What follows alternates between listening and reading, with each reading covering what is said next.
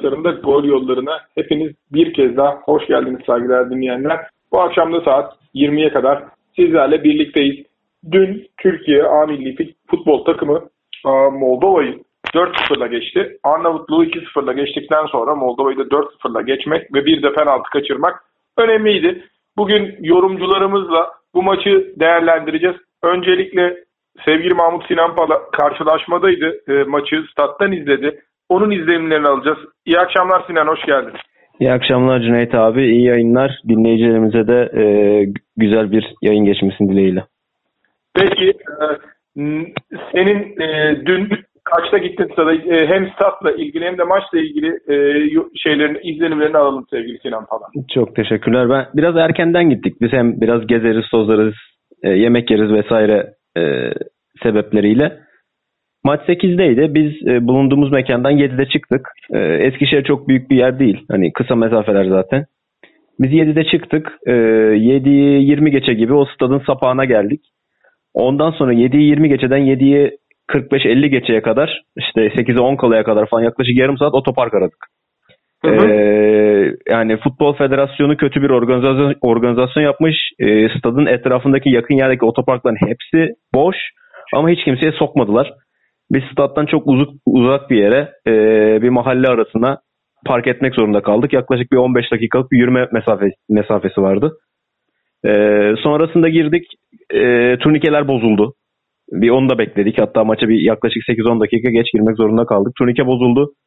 E, oradaki işte polislerle konuşup biraz daha biraz da münakaşa da oldu maalesef. E, bekleyenler arasında. Yani yan kapıları açıp girdik çünkü turnikeyi tamir edemediler. O da ayrı bir skandaldı. E, sonrasında e, ben üst katta izledim maçı. E, oraya çıkması da yaklaşık 3 kat kadar falan çıktık herhalde. E, sonrasında girdik herkes e, çok güzel. Herkes çoluğuyla çombalayla gelmiş. Stat full. Ama e, çok biletsiz seyirci vardı benim anladığım kadarıyla. Çünkü her yer doluydu. Biz yerimizi bulamadık. Hani rastgele bir yere oturduk. Sinan Pala bence o e, dedi ya hani şey bozuktu diye. Hı-hı. O yüzden bozulmuş da olabilir. Yıllarca statlara girip çıktığımız için biz bu işlerden biraz anlıyoruz. Aslında biraz ondan da olabilir o iş. Yani belki e, ama stat dışarıdan çok heybetli. Kocaman bir stat. Hani normal bir organizasyonda büyük ihtimalle bu otopark problemleri vesaireler de olmuyordur. E, çünkü stadın etrafında yeterli bir sürü otopark var. E, o konuda güzel olmuş. Stat çok yani cidden büyük bir stat. Ama içine girdiğiniz zaman o dışarıdaki büyüklüğünü hissetmiyorsunuz. İçerisini çok güzel dizayn etmişler. E, yapanların ellerine sağlık diyelim. Hani 30 küsür bin vardı. 32-33 bin kişi vardı galiba. Tam sayıyı bilmiyorum da. E, stat ağzına kadar hınca hınç doluydu. Ve o seyircinin e, fazla seyirci ama böyle çok fazla gelmiyordu size otururken statta mesela. Timsah Hayran'a e, stad yayvan olduğu için gözünüze çok büyük geliyor. E, ve boşluklar hemen fark ediliyor. Stad dolmadı vesaire diyorsunuz. Ama Eskişehir stadı öyle değildi. Sinan Pala konuğumuz dün e, maçtaydı e, Türkiye e, Moldova maçında. Aslında benim hep savunduğum bir şey var. Başakşehir stadı ve bu söylediğin stat e, o şey olmalıydı, model olmalıydı. Bütün statları birebir bunlarla aynı yapmalıydılar. Yani mesela bugün Timsah Arena'da maç oynanmıyorsa eğer Bursa'da bir sebebi de UEFA'ya bildiğim kadarıyla e, şeylerine uygun olmaması, e, UEFA'nın e, kriterlerine uygun olmaması. Ve bu da çok büyük bir ayıp değil mi? Maalesef ya o UEFA kriterleriyle alakalı da şöyle bir durum var. Hani evet kriterler diye bir liste var. Ve siz stadı yaparken de bazı taahhütlerde bulunuyorsunuz. Biz şunları şunları yapacağız. Hani kriterlerin yanında. E, Timsah Arena'nın sadece sebebi kriterleri değil o bazı taahhütlerin de yerine getirilememiş olması. Aslında hani biraz zorlasa sadece kriterler tutturulabilir ama yanında olan taahhütlerin yapılamamasından dolayı Timsah Arena'nın sıkıntısı da. O da işte bizim ayrı bir sıkıntımız Bursa'da. Peki maça gelirsek e, Moldova zaten çok e, kuvvetli bir takım değil. E, senin gözlemlerin neydi maçla ilgili olarak onları da alalım. Ya Moldova ile alakalı çok konuşacak bir şey yok. E, cidden hani e, bizim PTT birinci ligde oynasa orta sıralar aşağılara oynayacak bir takım. Yani Süper Lig'de takımların hepsi çok rahat yenebileceği bir takım seviyesindeydi. E, tamamen defans yaptılar. Dört kişi. Hatta önlerinde de bir tane e, çakılı ön liberoları vardı. Stoperden bozma büyük ihtimalle o da zaten. Oyuncuları bile tanımıyorum ayrı konu. Hiç öyle göze çarpan bir oyun planları yoktu. E, çok acemice hatalar yaptılar. İşte top tutmada, yana devrilmeler, deplaseler hiçbir şey yoktu. Yani tamamen oyun bizim kontrolümüzdeydi dakika birden itibaren. E, bizim yaptığımız güzel hamleler Şenol Güneş'in biraz e, pozitif oyun düşüncesiyle alakalı. E, o konuda çok güzel olmuş. E, bunu zaten Arnavutluk maçında da benzer bir oyunla çıktık yine. E, Dorukan stoperlerin arasına girip hücumda stoperleri üçlüyordu. E, bunun sayesinde de Mahmut önde hücum presçi gibi oluyordu. Yani bizim şok presimizi Mahmut'la başlatıyorduk. Ya da Cenk'le müsaitse. E böyle olunca tabii Arnavutluk maçında da Mahmut top kaptı kaç tane bu çıkışlarda ama yine bu maçta da yine Mahmut bir sürü top kaptı. E, hatta gol bile attık bu sayede. Hat, bunun sayesinde de rakibin uzun toplarla kontrata çıkmasını da engelledik yine. O çok yerinde bir hamle olmuş. Şimdi orada Mahmut önde basınca, Cenk de basınca e, bu sayede sen Hakan Çalhanoğlu'yu da Burak Yılmaz'ı da sadece toplu oyunda kullanabilmeye başladın. Çünkü oyun daraldığı için o dar oyunda o ikisinin savunma yapma ihtiyacı azaldı. Sinan çok özür dilerim sözünü kesiyorum. Adana'da son koşuyu 7 noktalı Alderamin kazanmış. E, onu belirtelim. Mahmut Mahmut bu e, şok presi e, Arnavutluk deplasmanında da yaptı golden önce dediğin gibi. Peki sence Emre Belezoğlu ile oynamanın verdiği bir şey var mıdır? Çünkü yani ben bunu senin notların bitsin ayrıca soracağım. Ben bir Başakşehir etkisi olduğunu da düşünüyorum A milli futbol takımında. Senin e, notlarına devam edelim ama Mahmut bunu Emre ile birlikte oynamaktan dolayı öğrenmiş olabilir mi? Çünkü çok önemli bir özellik bu. E tabii yani şimdi Mahmut baktığınız zaman ilk stoper orijinli ondan sonra da orta sahaya gelip orta sahada pas santrali olup hatta şu anda bile Başakşehir'de stoper ekliğinde hala stoper oynayan bir oyuncu. Yani e, çok yani düz oyuncu diyebileceğimiz bir oyuncu Mahmut. Hani Mahmut'un çalım atmasını inanılmaz böyle öldürücü paslar atmasını hiçbir zaman beklemiyorsun. Çok düz bir oyuncu. Ama görevini iyi yapıyor. Ee, şimdi Mahmut görevini iyi yaptığı zaman da dediğim gibi Hakan Çağlanoğlu gibi, Burak Yılmaz gibi, Cenk gibi hücumda etkili olabilecek oyuncular savunmada az koştuğu zaman hücumda daha çok koşacak enerjiler oluyor. Ki netekim baktığınız zaman Burak Yılmaz çok ekstra işler yaptı. Uzun süredir ben bu kadar iyi oynayan bir Burak Yılmaz görmemiştim mesela. Aldı, döndü, çalım attı, pas verdi, asist yaptı. Yani gayet iyiydi Burak Yılmaz mesela. Peki e, Mahmut Sinan Pala ile birlikteyiz. E, bu arada Adana'daki e, foto finishteki yarışı 7 numarada at kazandı. E, Alderamin adında adı onu da bir kez daha söyleyelim. E, ben dün de yazdım. Senin fikrini çok merak ediyorum. Sen analiz konusunda da çok dikkat ediyorsun. Hakan Çalhanoğlu'nu da kaybedeceğiz diye düşünüyordum. Çünkü biz birçok gurbetçi alıp kaybettik. Ama bu son iki maçta Hakan Çalhanoğlu gözüme iyi gözüktü. Özellikle de bu maçta tam böyle onu görmek istediğimiz yani o e, şeyde hücumda istediği her yere gidebilen bir özgürlük vardı sanki. 10 numaraya daha yakın bir Hakan Çalhanoğlu vardı. Neler söylemek istersin? E, kesinlikle katılıyorum çünkü aslında orada dediğim gibi Mahmut'un arkadan e, hücumcuları itlemesi ve Cenk'in de hem forvet hem sol açık gibi oynayabilmesi sayesinde e, Hakan çok serbest kaldı. Çünkü Hakan'ı çok sol çizgiye hapsettiğiniz zaman ki Fatih Terim bunu çok yapıyordu milli takımdayken. Hakan etkisiz kalıyor. Çünkü Hakan driblingle çok rahat oyuncu geçebilen bir oyuncu değil. Hızlı çabuk bir oyuncu da değil. Daha çok e, vücut fake ile ya da e, paslarla ilerleyen, ilerleyen bir oyuncu. Şimdi Hakan burada olduğu zaman bu ara kulvarlarda kalmaya başladı. Ne ortada ne yanda. Hem rakibin dizilişini bozmaya başladı hem iyi yerlerde top alıp hızlı bir şekilde dönüp kullanabilmeye başladı. Az driblingle çok iş yapmaya başladı. Kesinlikle bu Hakan'ın iyi yolu. Ama burada da şöyle bir mesela savunma zafiyetiniz var. Şimdi Cenk'in kanadına iyi hücumcu bir e, sabek gelirse ve önünde de birbirini tamamlayan bir sağ kanat oyuncusu olursa bizim sol tarafımız e, otobana döner. Öyle bir dezavantajı var şimdi. Şenol Hoca büyük ihtimalle rakiplere uygun bir kadro çıkardı ama ben Fransa'ya karşı buna benzer bu kadar hücum bir kadro ile çıkacağımızı sanmıyorum. %100 katılıyorum Mahmut Sinan Pala. Şimdi hedef ilk maçı kazanmaktı. İlk maç hatta daha e, oyunu tutan bir kadro vardı. Bu maçta daha fazla hücumcu vardı. Deniz Türüç'ü nasıl gördün e, şeyle stat'tan? Yani Deniz Sürüç toplu oyunda çok fazla yoktu. Ee, savunma oyununda da yoktu ama yani iki tane öyle bir orta kesti ki hatta biz ikinci goldeki ortasında aha gol geliyor dedik. Yani o kadar güzel kesti. Yani adamın tam alnının ortasına derler. Korneri de çok güzel kullandı. Duran topları çok iyi kullandı. Ee, hani bazı oyuncular vardır. Ya, bir tane duran top kullanır maçı çevirir. O, o tarz oynadı Deniz Türüç ama ne toplu oyunda ne topsuz oyunda hiç yoktu. Ee, ayrı bir parantez içinde Yusuf Yazıcı'yı açmak istiyorum. Ee, çok kötü oynadı. Hani eline gelen fırsatı tepti.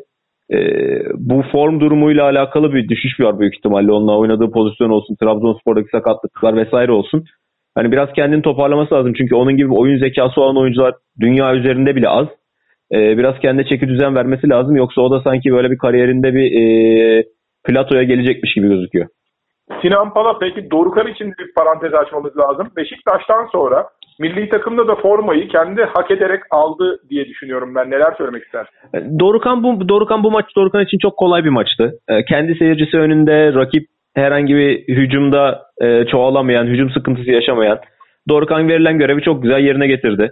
E, Şenol Hoca'nın bence çok akıllı bir hamlesiydi. Çünkü milli takıma bir tane oyuncu kazandı. Kazandırdı ve Dorukan da milli takım stresini stressiz bir şekilde öğrenmiş oldu. E, savunmada yerindeydi. Yani o savunmada geriye gelmesi Mahmut'un ileride çok presini hızlandırdı. O çok büyük bir avantajdı bizim için. Ama hani baktığınız zaman çok ekstra bir şey yapmadı bu maçta. Zaten yapmasına da gerek yoktu. Sadece görevini yaptı.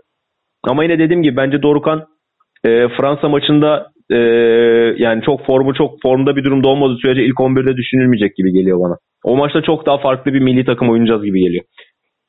Peki evet futbol rakiple oynanıyor. O yüzden dün rakip olmadığı için ki bunu ben de basa basa söyledim. Yani e, böyle söyleyince de e, hemen vatan haini ilan ediliyoruz ama Türkiye'nin kazanması, o coşku, senin Bursa'dan es, Eskişehir'e gidiyor olman bunlar harika şeyler. Bunları biz de zaten altını çiziyoruz ama dün rakip yoktu. Yani futbolda rakip üzerinden oynanan bir oyun.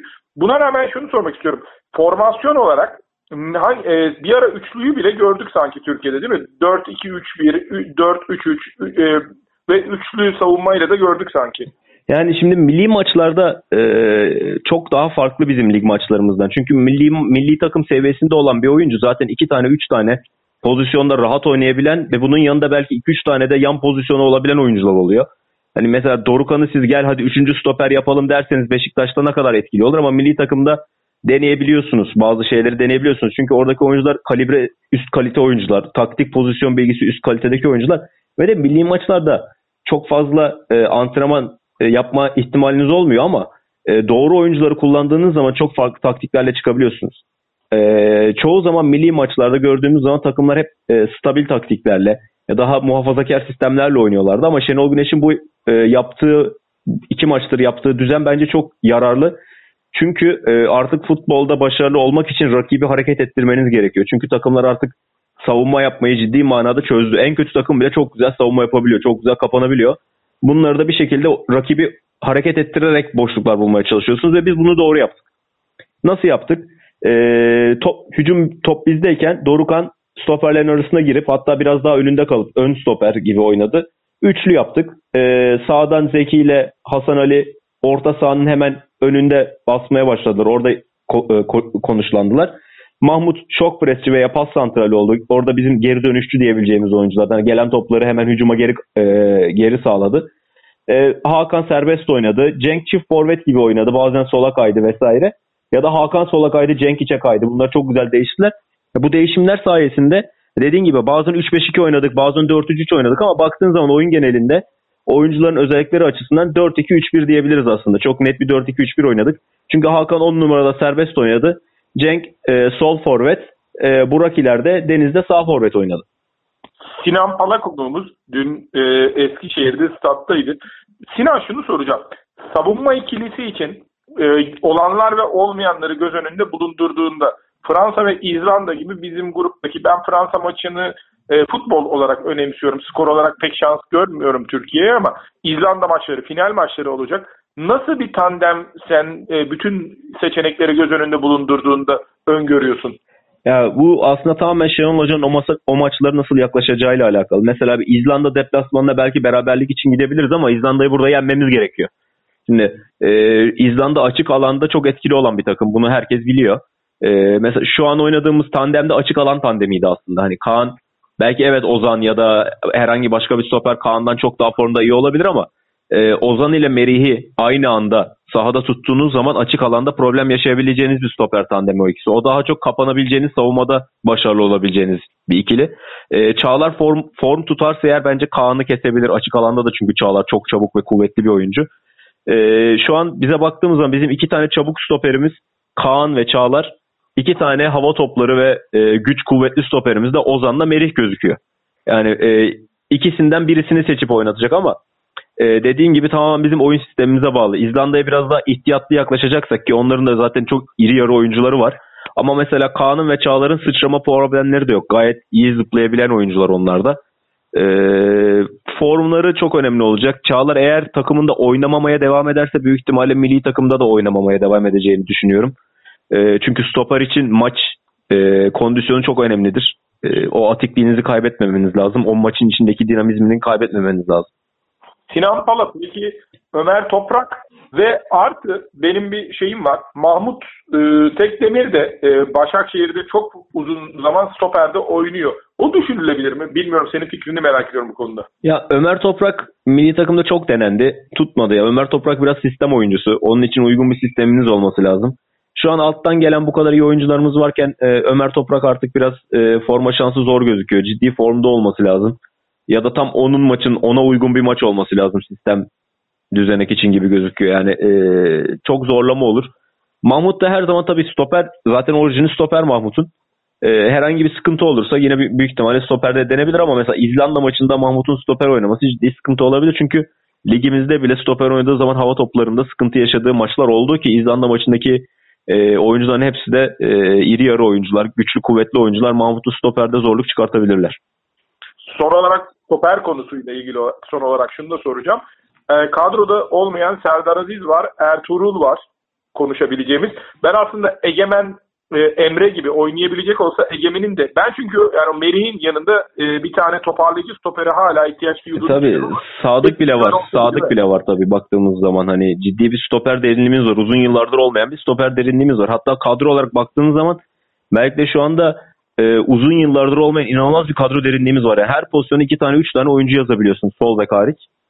E, şu an yani stoper oyuncuların sağlık durumları, form durumları, e, oynama durumlarını tamamen onlar belirleyecek. Çünkü çoğu birbirine yakın oyuncular. Ciddi kesici stoperimiz çok daha fazla. Yani Sadık var, Serdar var, Egemen var. E, Egemen'in de sağlık problemleri var. Arada bir sakatlıklar geçirebiliyor. Ama e, Emre gibi mesela böyle kritik maçlarda tecrübeli oyuncuların e, oynamasa bile takımda bulunması bazen hani 10 dakika 5 dakika sahaya girmesi bile e, onlar oyuncular için çok ciddi bir özgüven sağlıyor. E, Şenol Hoca da bunun zaten farkında ona göre zaten yine kadrosunu belirleyeceğini düşünüyorum. Peki Sinan Pala ben Cengiz'in de bu kadronun en önemli e, parçalarından biri olacağını düşünüyorum. E, aynı zamanda Abdülkadir e, Ömür de bence bu kadroda yer bulabilecek oyunculardan. Sen neler düşünüyorsun bu konuda? Çünkü topu hızlı karşıya taşıyacak oyuncu itibariyle bu ikisi çok önemli. E tabi zaten bizim sağ kanattaki oyuncumuz Cengiz. Şu an Cengiz olmadığı için Deniz vesaire ya da başka oyuncular oynuyor. Hani sağ kanada Cengiz'i alırız. Cengiz'de Cenk değişir, Hakan değişir. Bizim oradaki o arkadaki o üçlümüz 4-2-3-1'in üçlüsü büyük ihtimalle zaten maç boyunca yer değiştiren bir üçlü olacak her zaman. Gözüken o şu an. Ee, ama Cengiz geldiği zaman e, sağlık durumu da yerindeyse, form durumu da yerindeyse kesinlikle zaten e, milli takımda ilk yazacağınız oyunculardan birisi şu an. Ee, Abdülkadir Ömür de aslında alınabilirdi bu milli takıma. Ama sakatlığı var tabii. Sakatlığı var yani e, düşünülebilir. Ben şöyle de düşünüyorum. Yani bazı oyuncuları illaki A milli takıma alma zorunluluğunuz yok. Bu oyuncular Ümit milli takım yaş kategorisinde de oynayabiliyorsa orada da oynayabilir. Bunun çok güzel örneği yıllardır Adrian Rabiot var Fransa'da. Ha, bildim bileli Ümit milli takımda oynuyor mesela. 5-6 senedir herhalde Ümit milli takımı. Çünkü bizim burada yapılan, ülkemizde yapılan Dünya Kupası U20 Dünya Kupası'nda da Fransa milli takımında oynuyordu. Hatta yani geçen seneye kadar galiba U21 milli takımda oynamaya devam etti. Bu oyuncunun milli maç tecrübesi kazanması illaki milli takımı kampında olmasına gerek yok. Yine U21 takımında oynayıp da milli maç tecrübesi kazanabilir. Ee, Abdülkadir Ömür özel bir oyuncu. Ee, sağlık problemi olmadığı sürece onu da düşünmek gerekir tabii ki. Ee, peki yine orta saha tabii ki maç maç değerlendirilecektir ama orta sahadaki e, ikili hatta üçlüyü nasıl öngörüyorsun Fransa ve İzlanda maçları için? Senin fikrini merak ediyorum. Ya büyük ihtimalle hoca yine Mahmut'u bir şekilde oraya yazacaktır. Çünkü Mahmut'un hem şok presi olsun hem de e, baskı altında yaptığı pas santralliği ya da bir şekilde oyunu soğutabilmesi paslarıyla büyük bir avantaj. E, hocanın bu sisteme devam edeceğini düşünüyorum. Mahmut'u arkada değil de Mahmut'un arkasında birisini düşünecektir büyük ihtimalle. Mahmut'u bir adım iki adım daha önünde. İzlanda maçına ben e, özellikle burada oynayacağımız İzlanda maçında nasıl oynayacağımız ben cidden çok merak ediyorum. Ee, hani Şenol Hoca'nın da çünkü oraya bir hazırlanma fırsatı da olacak. Artık milli takım hocası olmuş olacak zaten o vakitten sonra. Ciddi bir mesai harcayıp güzel bir sistemle çıkacağız. Ee, yani Fransa maçında baktığınız zaman tabii daha yani nereden baksanız birkaç ayımız var ona. Fransa maçında yine Emre'yi görebiliriz belki sahada. Yani zaten onda futbol hayatı sona yaklaşıyor. Büyük ihtimalle belki milli maç jübilesi bile olabilir. Yine Emre'yi görebiliriz sahada. Ee, Dorukan İrfan Can'ın bu, bu, bu milli maç arasında sakatlığı oldu. Ben İrfan Can, Mahmut, e, Emre üçlüsünün birlikte bile konulabileceğini düşünüyorum aslında. Hani alışkanlık itibariyle. O da olabilir ama Arnavutluk'taki orta saha üçlümüz e, birbirini güzel tamamlayan bir üçlüydü. Çünkü Fransa'nın da hareketli bir ön ileri e, ileri ucu var. Okay çünkü orada hem savunmaya yardım edip hem de hava toplarında da etkili olabilir. Yine Okay, Mahmut, Emre gibi bir üçlü görebiliriz. Hani Emre olmaz İrfan Can olur Emre'nin yerine ya da ne bileyim Oğuzhan olur. Daha böyle pasa, e, paslarla oyunu yönlendirebilen bir 8 numara düşünebilirler orada ama büyük ihtimalle oyuncu rolü bakımından bir tane defans önünde iyi kesici, onun önünde Mahmut, e, onun yanında da paslarla veya driblinglerle takımı ileri taşıyabilecek bir tane e, orta saha oyuncusu şeklinde gidecektir. Hakan'ı bunu... orada düşünebilir mi sence kanat oyuncuları gelince? Ee, Hakan çok böyle orta sahanın ortasına doğru yaklaştıkça biraz cebe, e, orada sıkıntı yaşıyor. Hani Hakan biz e, Moldova maçında ve Arnavutluk maçında tam en iyi oynadığı yerde oynadı. Ama tabii dediğim gibi milli maçlarda bazı oyuncuları konfor alanından çıkartıp daha zor mevkilerde, daha zor pozisyonlarda e, oynatmanız gerekiyor. E, belki Hakan'ın çünkü Hakan'ın temposu da var. E, basabiliyor da, koşabiliyor da. Belki onu kullanıp geriden uzun toplarla çıkmak adına da Hakan'ı kullanabilirler belki dediğin gibi. Sinan Pala, Yunus'u hiç konuşmuyoruz bile. Bu konuda ne söylemek istersin? Ya benim çok üzüldüğüm konular bunlar. Yani e, Yunus evet çok değerli bir oyuncu. Ben Yunus'u uzun yıllardır takip ediyorum. E, genç genç zamanlarından beri.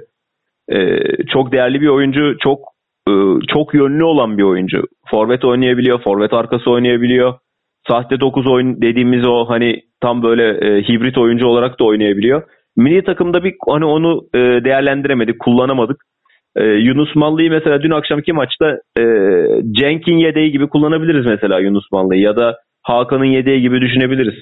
Ama ciddi bir form tutması lazım. Onda bir form problemi var. E, son özellikle bir buçuk senedir biraz o da e, formsuzluk yaşıyor takımının durumundan dolayı. Belki onda bir transfer yaparsa önümüzdeki sene daha farklı bir Yunus Mallı izleyebiliriz. Hatta bunun yanında baktığınız zaman daha bizim Enes Ünal da var. Emre, hani, e, Emre Akbaba var. Emre Akbaba da hani bu sene sakatlanmasaydı belki de ligin oyuncusu ol, olabilecek kadar formda başlamıştı lige. Hani e, dediğim gibi çok güzel, inanılmaz güzel derinliği olan bir milli takımımız var. Uzun yıllardır bizim bu milli takım derinliğimiz yoktu. E, işte herhalde yabancı sayısı arttığından dolayı bu kadar iyi oyuncu çıktı ortaya herhalde. Ee, şey, değil mi bu arada son olarak Sinan Pala? Hani e, milli takım kötüyken e, bu yabancı konusu çok konuşuluyordu. Artık bir süre e, şeye kaldırabiliriz. Senin de az önce söylediğin gibi olmadığı kadar geniş ve formda bir milli takım kadrosuna sahibiz.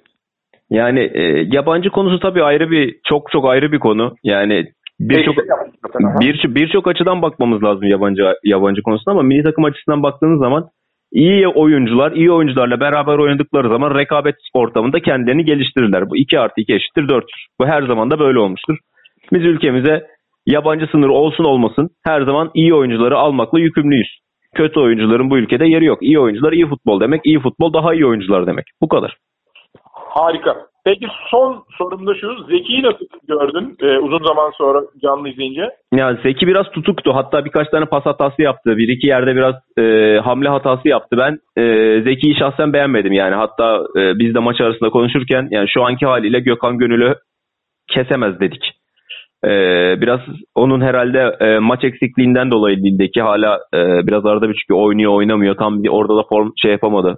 Süreklilik sağlayamadı. Ama Zeki'nin tabii potansiyeli çok yüksek. Sağda oynayabiliyor, solda oynayabiliyor, stoper oynayabiliyor. Fizik olarak hani e, birçok pozisyona yatkın bir oyuncu. Kendini geliştirecektir. Hatta bir tane offside olan pozisyonda da yani çok oradan o Hakan'ın o pasını tek topla indirip o şekilde o pas atabilen bir sağ bekimizin olması e, bizim için çok büyük bir lüks. Ee, önümüzdeki 10 yılda Zeki Sabek de zaten e, milli takımımıza görev almaya devam edecektir. Çok teşekkür ederim. Ağzına sağlık. Bize vakit ayırdığın için teşekkürler tekrar. Çok teşekkür ederiz. İyi yayınlar dilerim. Herkese iyi akşamlar. Biz de araya gidelim. Sinan Palı'dan al.